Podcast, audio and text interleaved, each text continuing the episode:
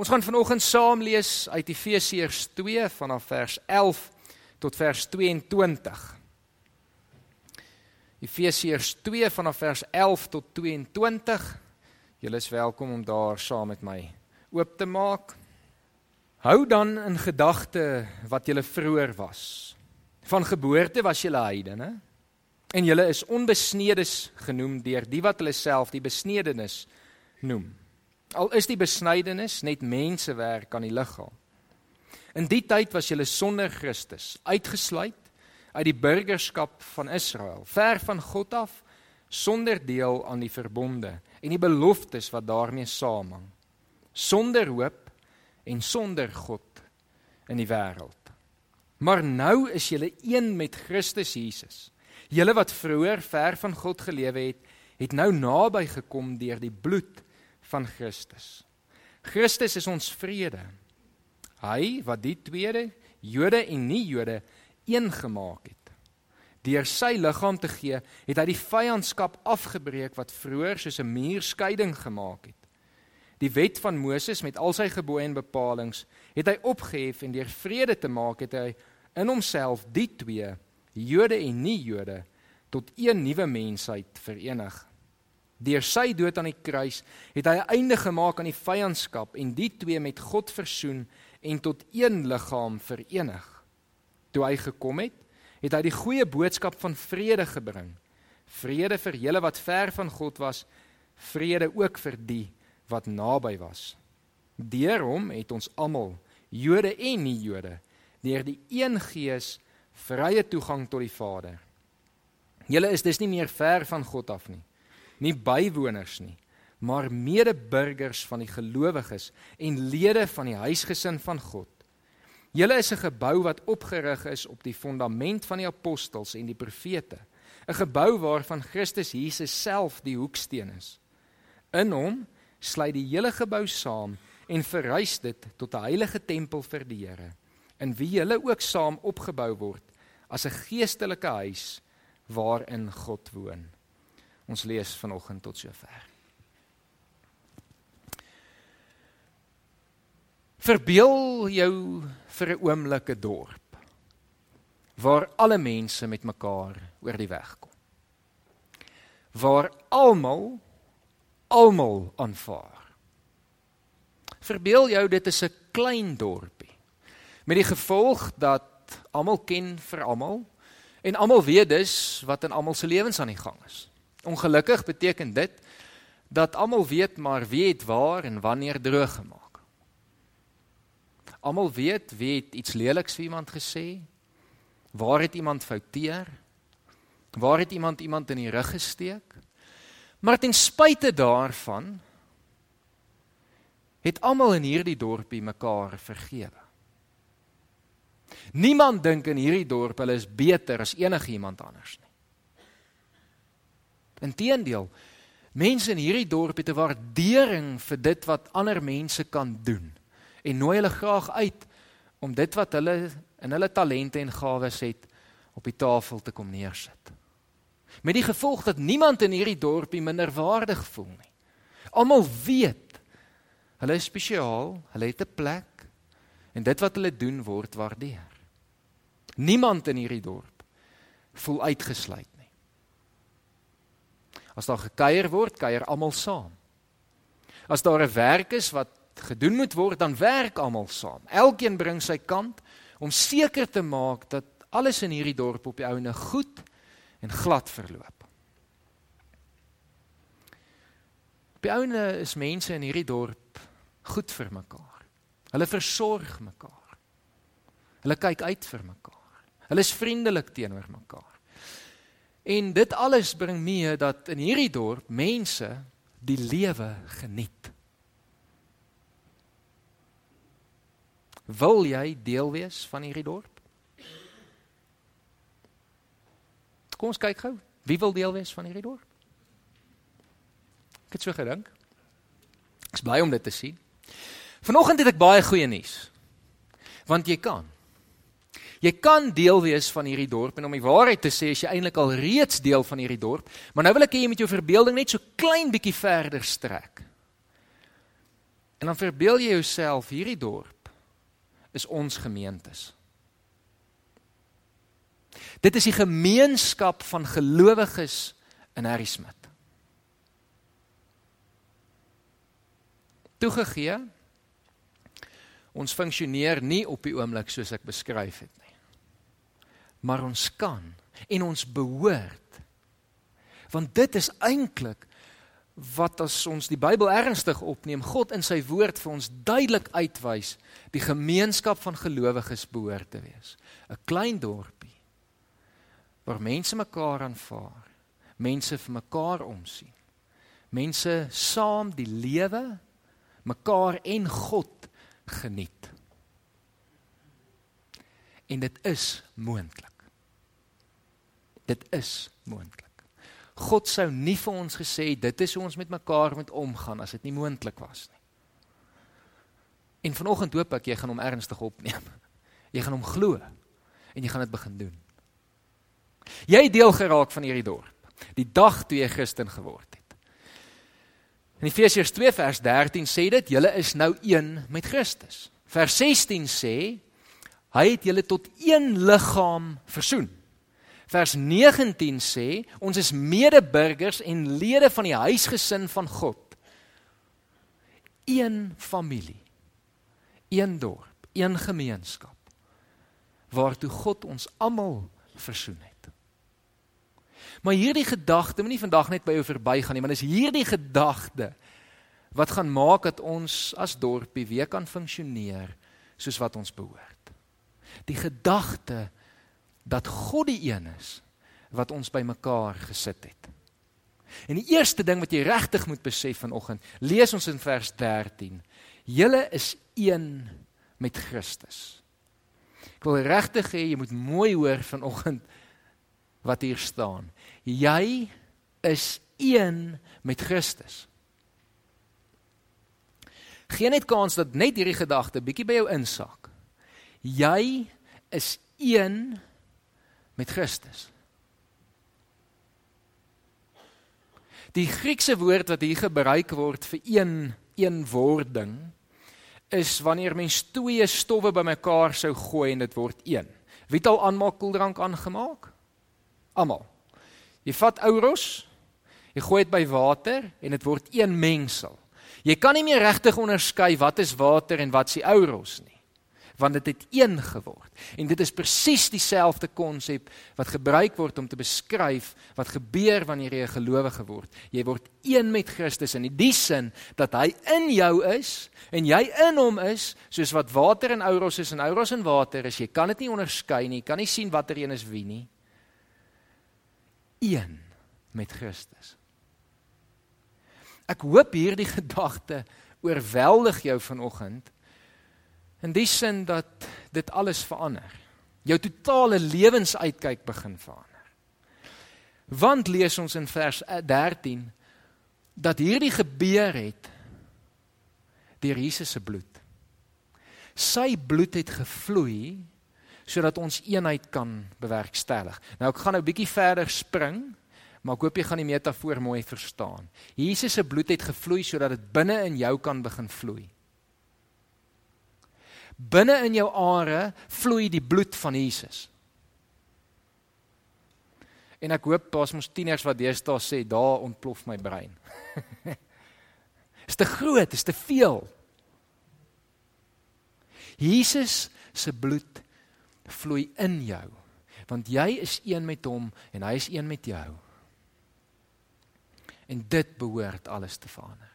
Want as Jesus se DNA deel begin raak van jou DNA, dan begin behoort ons te begin kyk soos wat Jesus kyk. Praat soos wat Jesus praat. Dink soos wat Jesus dink.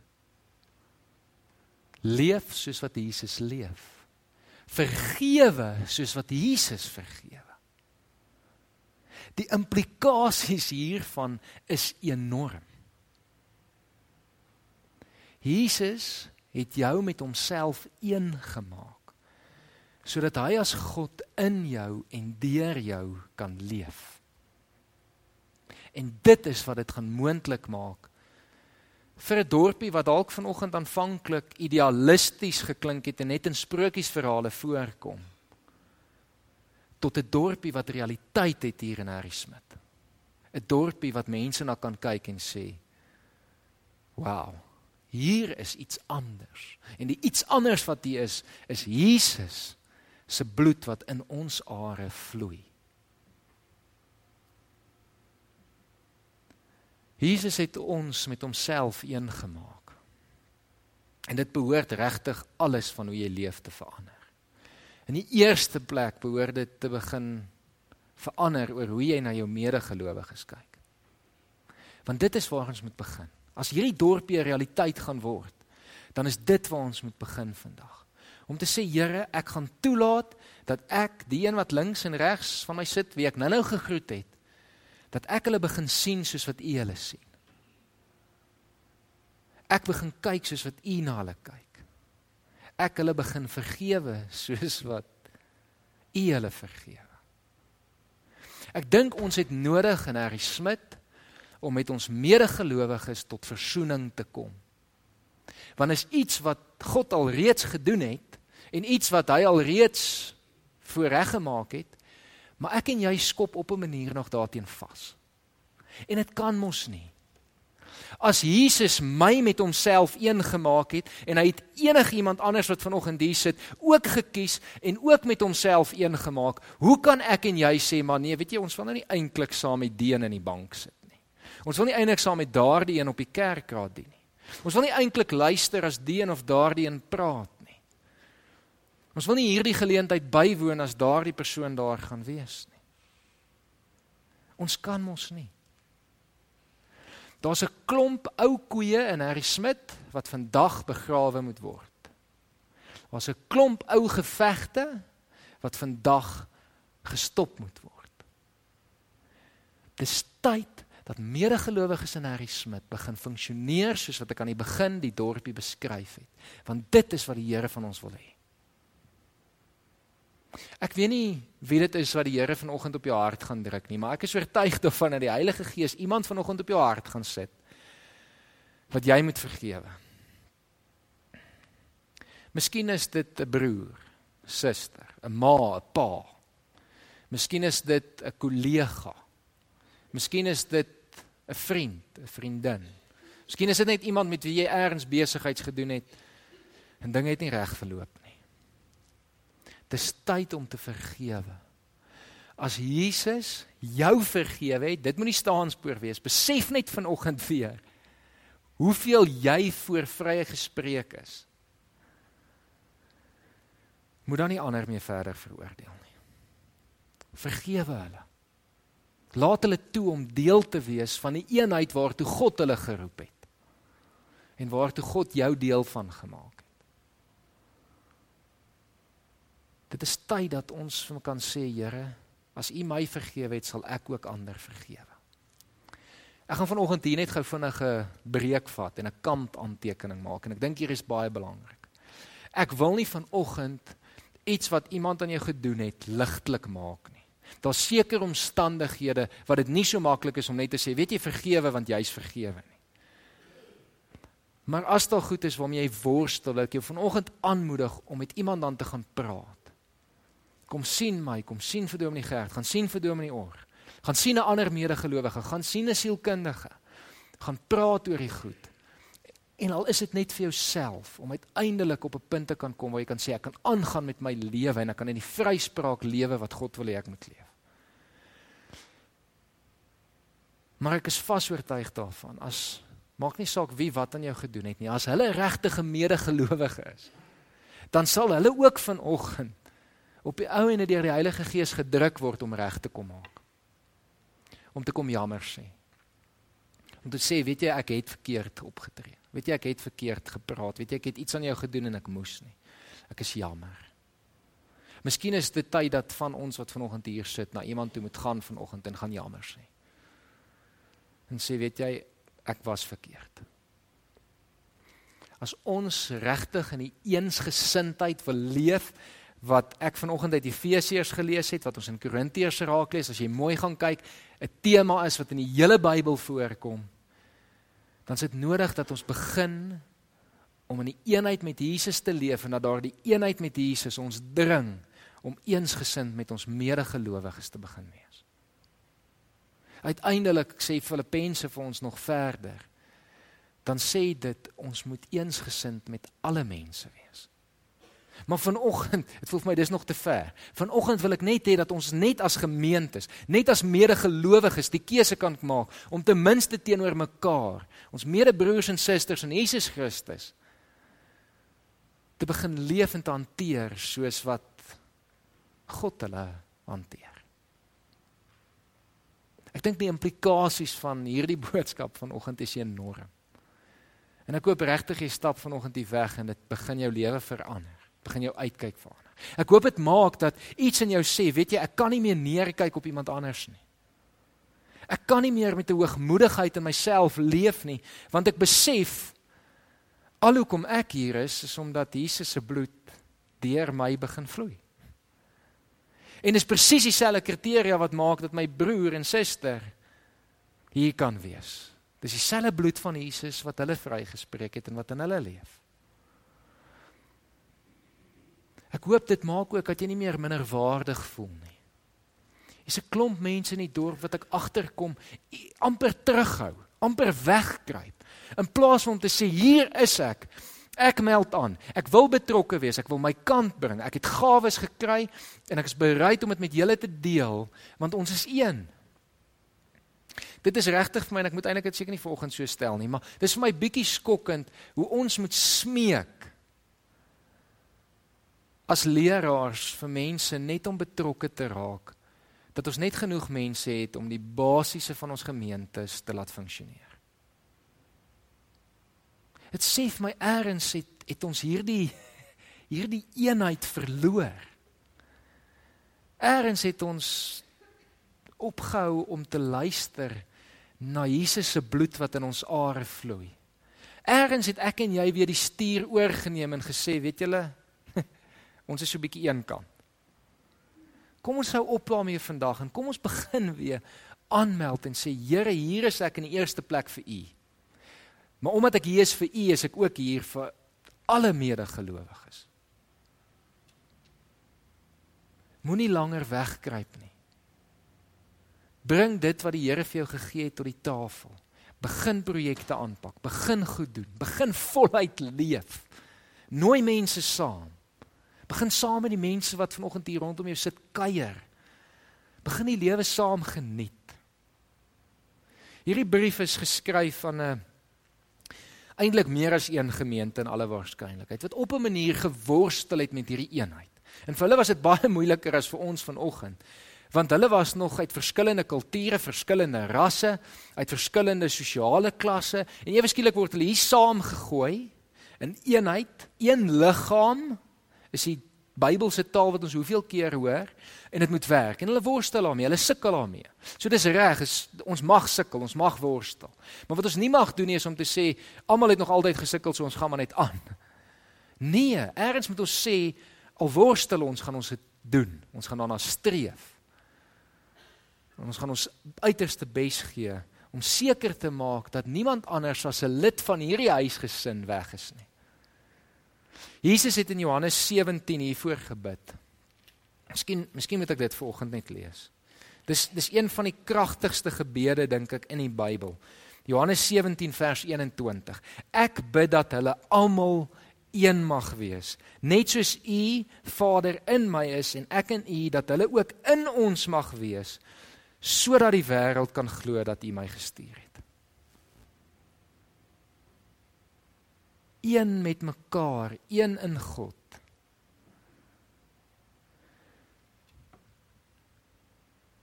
Jesus het gebid dat ons 'n gemeenskap kan wees wat in eensgesindheid met mekaar kan leef.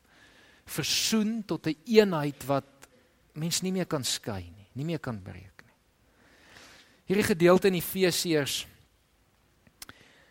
het verskillende metafore hiervoor en uiteindelik sluit dit af met die metafoor van van 'n gebou. 'n Gebou wat verrys tot 'n tempel. 'n tempel waarin God lewe. Wat dink julle van my tempel? Dankie. Ehm um, ek is dalk nie daar's 'n rede hoekom ek nie 'n bouer is nie. Miskien moet ons net dit sê. Ehm um, maar ek het lekker gespeel gister. So dit was daarom goed geweest. Een tempel as 'n gebou, 'n huis waarin God kan leef, kan funksioneer, kan werk. En nou soek ek gou 'n paar kinders, al die kinders want dis nie baie nie. Hoeveel hoeveel gebouetjies is hier? Een. Dis een gebou. Kom ons wys net gou weer mooi vir die mense. Dis een. Dis een gebou. OK, hoeveel blokkies is hier binne? Baie. Stem julle saam? Hier's baie blokkies. Ons gaan hulle nie eers kan tel vanoggend nie. Lyk hierdie blokkies dieselfde? Almal is bietjie anders, nê? Nee. Ander kleur. Hoeveel kleure sien julle? 7. Nee, 7 kleure omtrent. Hier's klomp kleure. Hier's klomp vorms. Hier's klomp blokkies. Maar saam maak hulle een gebou. Nee, dit is wat vanoggend se Bybelgedeelte vir ons sê. Nou wil ek hê julle moet gou ietsie doen. Julle gaan nou lekker pret hê. Want dit is nie baie dat ek sê julle mag gas aanvang nie. OK, ek wil hê julle moet elkeen 'n blokkie hier uittrek, maar julle mag nie die boonstes vat nie. OK, trek elkeen gou 'n blokkie uit. Trek bietjie nog 'n paar blokkies uit.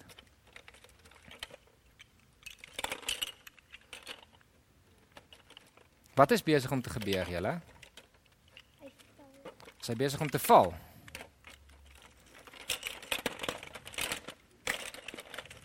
Lekker.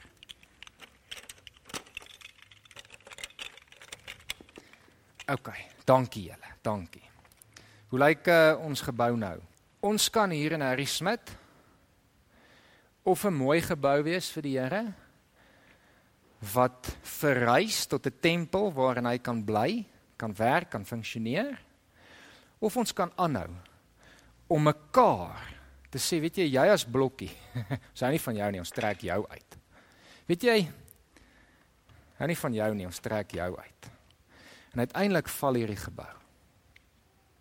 En dis 'n keuse wat jy vanoggend moet maak.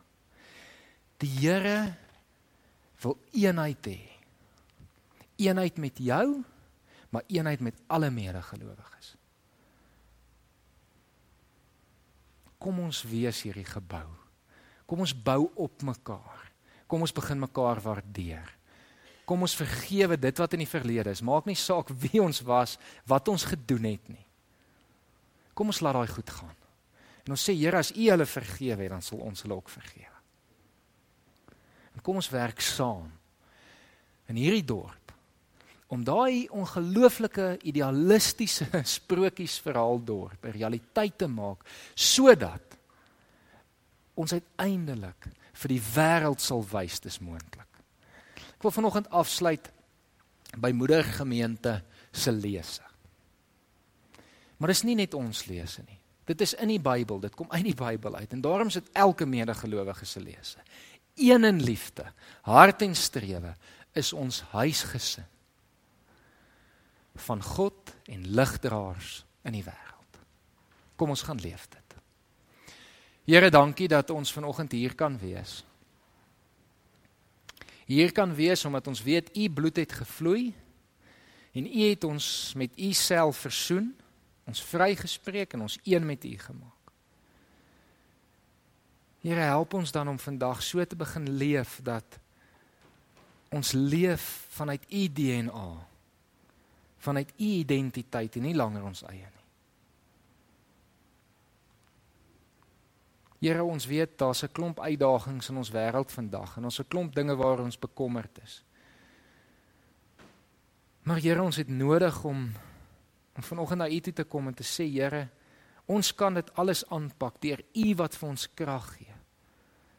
Here ons weet dat U die een is wat alles moontlik maak. Maar Here ons wil nie langer teen U werk nie. Ons wil saam met U werk, ons wil saam met ons medegelowiges werk. En Here ons wil op die ou ende so funksioneer dat die wêreld kan sien dat ons 'n lig is wat skyn omdat dit u bloed is wat deur ons vloei. Here gaan met ons, Here. Kom werk in hierdie week met ons. Here help ons om te vergewe, ons moet vergewe. Help ons om anders te begin praat, anders te begin doen. Here op so 'n manier dat dat ons weet ons is in eenheid met U.